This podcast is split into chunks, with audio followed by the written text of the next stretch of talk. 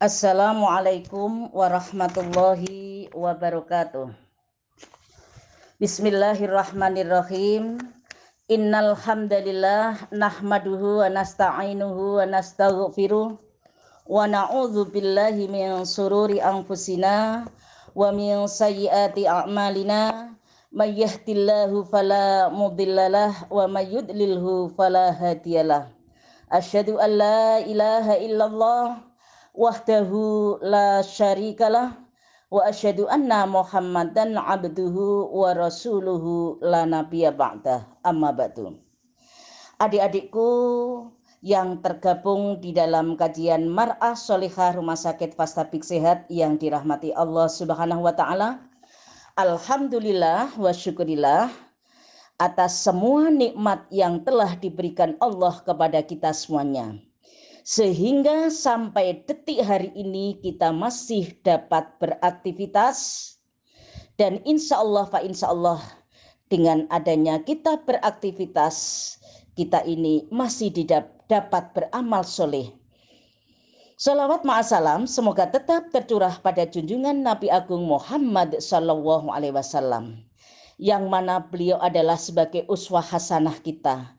Bila kita sebagai umatnya selalu mencontoh, meniru, dan meneladani semua apa yang dilakukan oleh Rasul kita. Baik dari ucapan, perbuatan, sikap dalam kehidupan sehari-hari, insya Allah fa insya Allah kita termasuk orang yang sa'idun fid dunya wa sa'idun fil akhirah. Bahagia di dunia dan juga bahagia di akhirat. Adik-adikku, pada kesempatan hari ini kajian kita adalah dengan tema Islam menyuruh menutup aurat.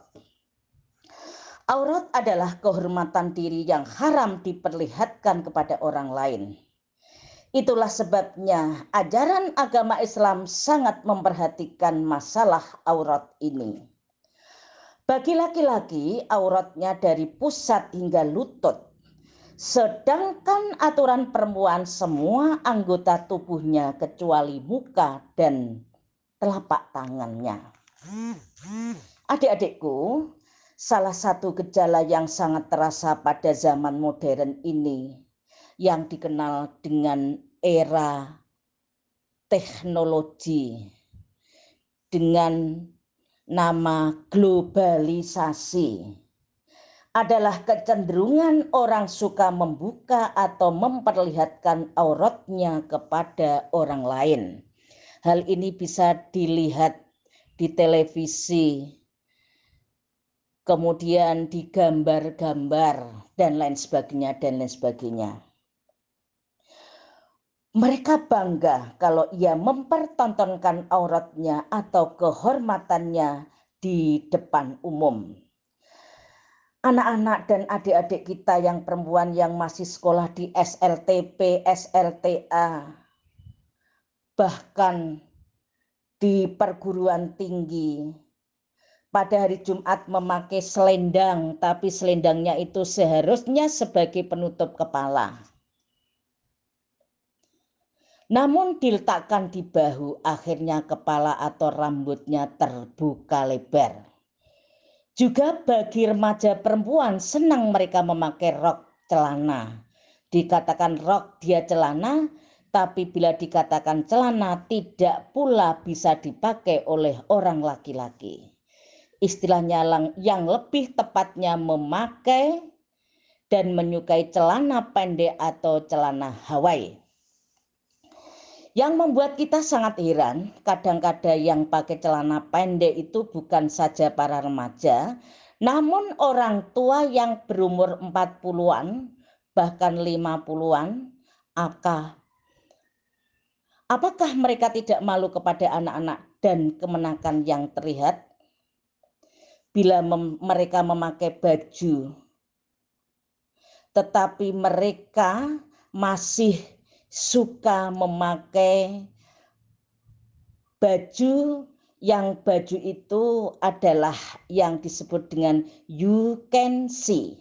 You itu kamu can dapat si melihat. Artinya kamu dapat melihat kelek saya kan begitu.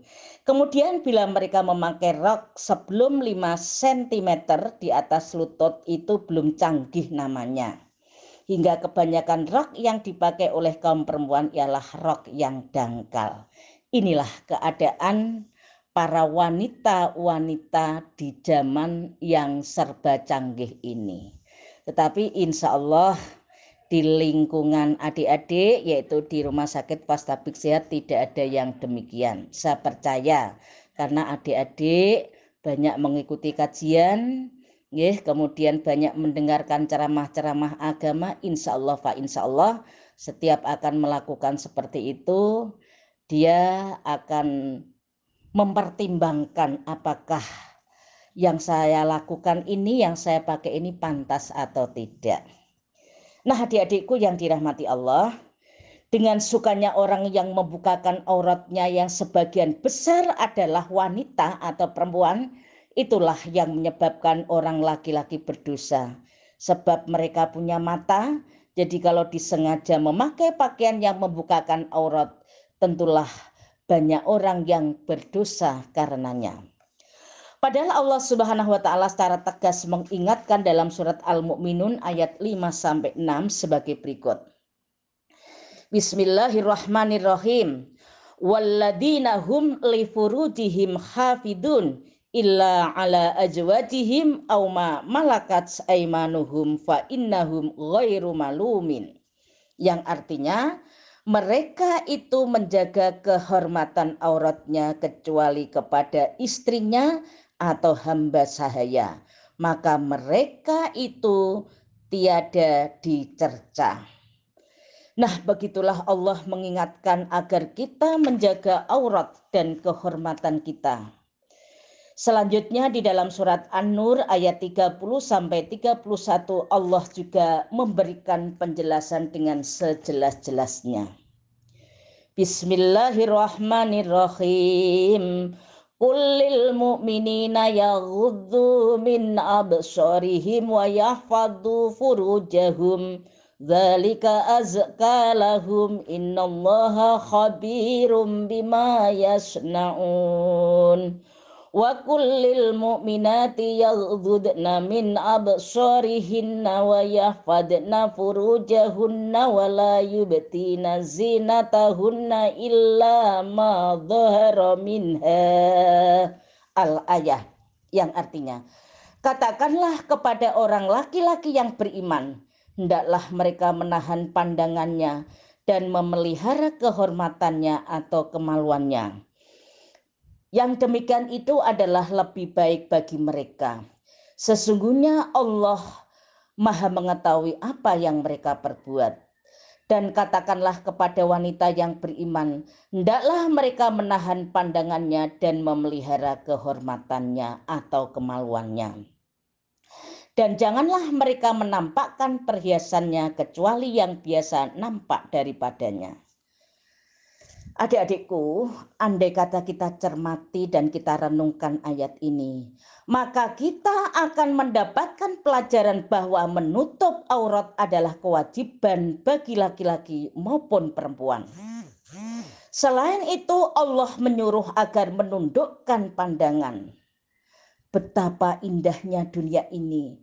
Bila kita lihat orang yang berpakaian dengan sopan, menutup aurat baik laki-laki maupun perempuan. Nah, untuk itu banyak sekali pemerkosaan, perzinaan karena akibat perempuan yang suka berpakaian minim dan sangat perangsang. Bahkan hawa nafsu dari laki-laki akan bergejolak ketika melihat perempuan-perempuan yang menampakkan auratnya alias populer. Pupune diler. Kalau pupunya putih tidak masalah. Pupunya hitam diler. Naudzubillahi min dalik. Padahal zina itu sangat dikutuk oleh Allah Subhanahu wa taala. Di dalam Al-Qur'an disebutkan la takrobuz zina innahu fahisyata wa sabila dan janganlah engkau dekati zina. Sesungguhnya zina itu adalah sejahat-jahatnya perbuatan.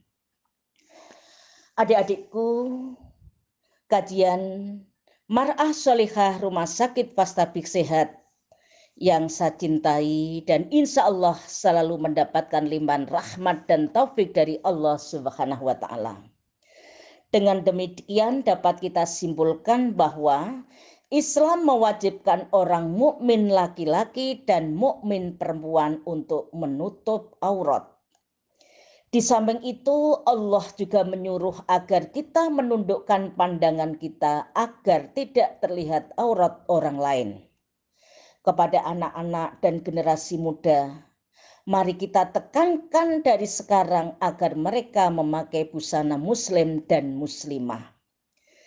Tetapi kadangkala adik-adik saya melihat banyak sekali perempuan-perempuan dikala dia keluar atau kerja memakai busana muslim tetapi saat di rumah bahkan kadangkala ada tamu ada tetangga atau ada teman bermain di rumah kita kadang kita lupa memakai busana muslim.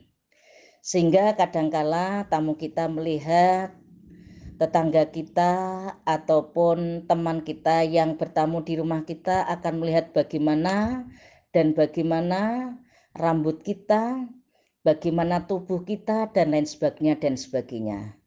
Dan saya secara pribadi merasa prihatin apabila melihat perempuan-perempuan kelihatannya memakai busana muslim tetapi menampakkan lekuk tubuhnya. Banyak sekali kita lihat di masyarakat, di jalan-jalan, ada perempuan-perempuan memakai busana muslim, bahkan kadang di kantor-kantor, nyun sewu, memakai baju sangat ketat sekali Kemudian kerudungnya dimasukkan ke dalam dadanya sehingga yang terlihat adalah kedua eh, apa ya teteknya kan begitu. Bahkan memakai rok sangat minim sekali atau sangat ketat sekali sehingga tampak di luar seperti tidak berpakaian. Itu banyak sekali kita lihat adik-adik. Sehingga saya secara pribadi sangat prihatin apabila melihat perempuan-perempuan seperti itu. Nah untuk itu adik-adik karena kita sudah paham tentang ajaran agama Islam bagaimana perempuan memakai busana muslim, marilah kita praktekkan memakai busana muslim, menutup aurat tetapi adik-adik jangan lupa memakai rok jangan yang ketat, kemudian yang sangat tipis sehingga bisa menampakkan lekuk tubuh kita yang akhirnya akan membawa laknat dan akan menjadikan fitnah bagi diri perempuan itu sendiri. Nah adik-adikku yang dirahmati Allah, demikian yang dapat saya sampaikan. Semoga bermanfaat. Akhirul kalam bila taufik walidayah. Wassalamualaikum warahmatullahi wabarakatuh.